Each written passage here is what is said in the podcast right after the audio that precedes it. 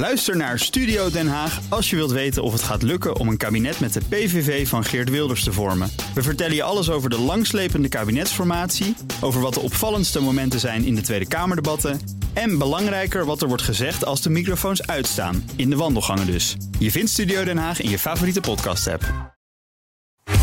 Tech Update. Met Jo van Buurik. Hey. Nina en Kees, hi hi. We beginnen met Rusland. Dat heeft een eh, groot Amerikaans techbedrijf een boete gegeven. Wie is het? En ditmaal is Apple aan de beurt. Ah. Ja, om even met de geopolitieke kant van het verhaal te beginnen. We weten dat Rusland niet wil dat we spreken van een oorlog in Oekraïne. Zij hebben het altijd over een Hey. speciale militaire operatie. Precies. Dus wordt Apple aangekeken op het feit dat er podcasts te beluisteren zijn op Apple Podcasts, waarin wel van een oorlog wordt gesproken. Ja. Precies. In elk geval zegt de Russische rechter dat, meldt het Russische persbureau Interfax. En dus, Nina, een torenhoge boete, 400.000 roebel.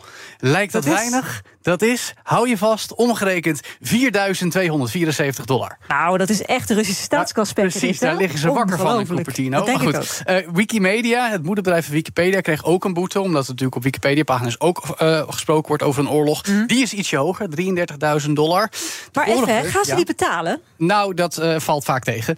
Daar kan ik ook nog een apart verhaal over vertellen. Want Google kreeg meermaals een boete van Rusland. Die betaalt ze ook vaak niet. Overigens zijn het wel verschillende geweest. Want ook wel eens bijvoorbeeld over YouTube-video's... waarin ook van een oorlog in Oekraïne wordt gesproken. Toen kregen ze vorig jaar een boete van Rusland... voor 373 miljoen dollar Oh. omgerekend. Ja. Die was dus een stuk forser. Eh, maar ook daarvan heeft Google eigenlijk gezegd... nou, die gaan we niet betalen. Eh, de vorige Russische boete aan Apple was een stuk hoger. Dat ging om 8,8 miljoen dollar omgerekend. Mhm. Maar dat ging om het misbruiken van de marktmacht met de App Store. En dan zijn er weer tal van autoriteiten, ook Ja. buiten Rusland... die daar ook nog Dus die hebben ze dan wel betaald, Eh, waarschijnlijk. daar zijn ze uiteraard ook niet mee eens. Maar Nee. daar zullen ze misschien iets sneller geneigd zijn om te betalen. Kan ik me voorstellen. Eh, we moeten het ook hebben over Warner Bros. Mhm. eh, Discovery, want de kwartaalcijfers die laten zien dat het daar niet zo heel best gaat. Nee, het aantal abonnees op de streamingsplatforms in die hoek is namelijk gedaald. Bij ons zijn dat vooral HBO Max en het minder bekende Discovery Plus. Mhm. In de VS hebben ze die eigenlijk al gebundeld onder de naam Max in kapitalen. Daarom roep ik het Staat bij ons al, hè? Dat kan niet meer. Nee, Nou, dat ook nog. Maar goed, het komt er wel aan volgend jaar. Oh, Dus- echt? maar het heeft vooralsnog geen succes opgeleverd. Want ze hebben nog maar 95,8 miljoen abonnees. Dat is 1,8 miljoen minder dan een kwartaal geleden. De omzet bedroeg afgelopen periode 10,4 miljard dollar. 4% minder dan een jaar geleden. En mede door veel afschrijvingen werd een nettoverlies geleden van meer dan 1,2 miljard dollar. Onder meer een streamingsplatform van CNN. Dat werd gelanceerd en binnen no time weer gestopt. Mhm. Dat heeft niet bijgedragen. En ze hebben ook last van het feit dat ook in Amerika volop de ouderwetse kabel-tv wordt opgezegd. Nou, in Nederland zien we dat natuurlijk ook al een tijdje. Mhm. Eh, TNT is onderdeel van Warner Bros. Discovery. 4% minder omzet en 13% minder commercials. En wat ook niet helpt, Nina, ze hebben niet echt nieuwe hits om abonnees te trekken. Want afgelopen Ja. januari had je nog The Last of Us, gebaseerd op de games. was een enorme hit. En je had afgelopen kwartaal wel de finale van de hitserie Succession. Maar dat was seizoen 4. En dan moest je zo lang bezig zijn. Dan ga je Ja. niet nog even een apart abonnement nemen. Eh, concurrentie is natuurlijk veel. Netflix, Disney+, Plus, Amazon Prime.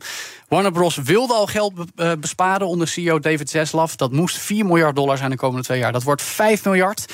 Ja, de kans op een nieuwe hit wordt daar niet mee groter. Ze hopen verder geld te verdienen met games. Zoals een nieuw spel in de wereld van Harry Potter, Hogwarts Legacy eerder dit jaar. Dat bleek een verkooptopper. Dus daar gaan ze ook op. Ja, en op zich, er komt nog zo'n Harry Potter serie aan, toch? Ja, dus op zijn vroegst volgend jaar. Maar gezien de huidige staking met acteurs en schrijvers... Ja. kan dat nog wel En even The duren. Last Ja. of Us was ook al vertraagd. Dus Ja, nog meer klopt. tegenslag Ja, voor het eh, Warner schiet allemaal niet op daar. Nee. Over games gesproken, eh, dit, de hele gamewereld, die draait vandaag om Gent. Ja, In België. jazeker. Amai. Vanwege een onvoorstelbaar grote videogame die daar vandaan komt. Few mortals ever glimpse what you're about to see. Open your eyes. Ja, de game van deze zomer komt namelijk vandaag uit. Die heet Baldur's Gate 3. Ja. Zegt je misschien niks, maar is gemaakt door Larian Studios uit Gent dus. Mhm. Onafhankelijke club, geen groot bedrijf. Gewoon onder leiding van één man, Sven Vinken.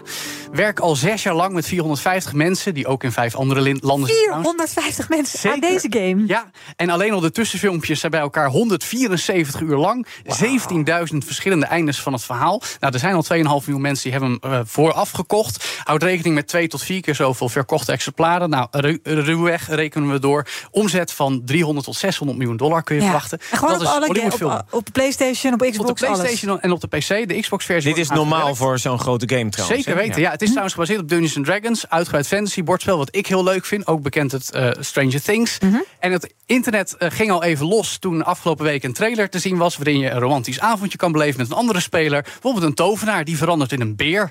Want ja, in een magische wereld is dat heel normaal. Zeker. dan- Dierenseks? Jij zegt het? Nou, Ben je nee. dat een romantisch avondje, Het is een mens die verandert in een beer. Dus ja, is En dat daar kan je een romantisch avondje daar mee kun je een romantisch avondje mee. Ja, Nou. de- dankzij de wereld van videogames kan dat dus gewoon. Leuk zeg, iedereen spelen. Ja, nou, 10 miljoen mensen gaan daar de En dat ga je dan aan je kinderen geven. Niet aan je kinderen. Nee, dit is, eh, is dit een Gewoon met je 16 plus? eh, is dit een 16 plus game? Dit is een 16 Of 18 plus. Ja, niet wat, zeker. eh, Sterker nog, ze zijn al een beetje viral gaan ook met een ludiek formulier dat ze gedeeld hebben. Vandaag en morgen zijn Baldur's Gate 3 dag. Dus kun je bij je werkgever een formulier eh, indienen van geef mij vrij, want ik moet dit spel spelen. Ja hoor.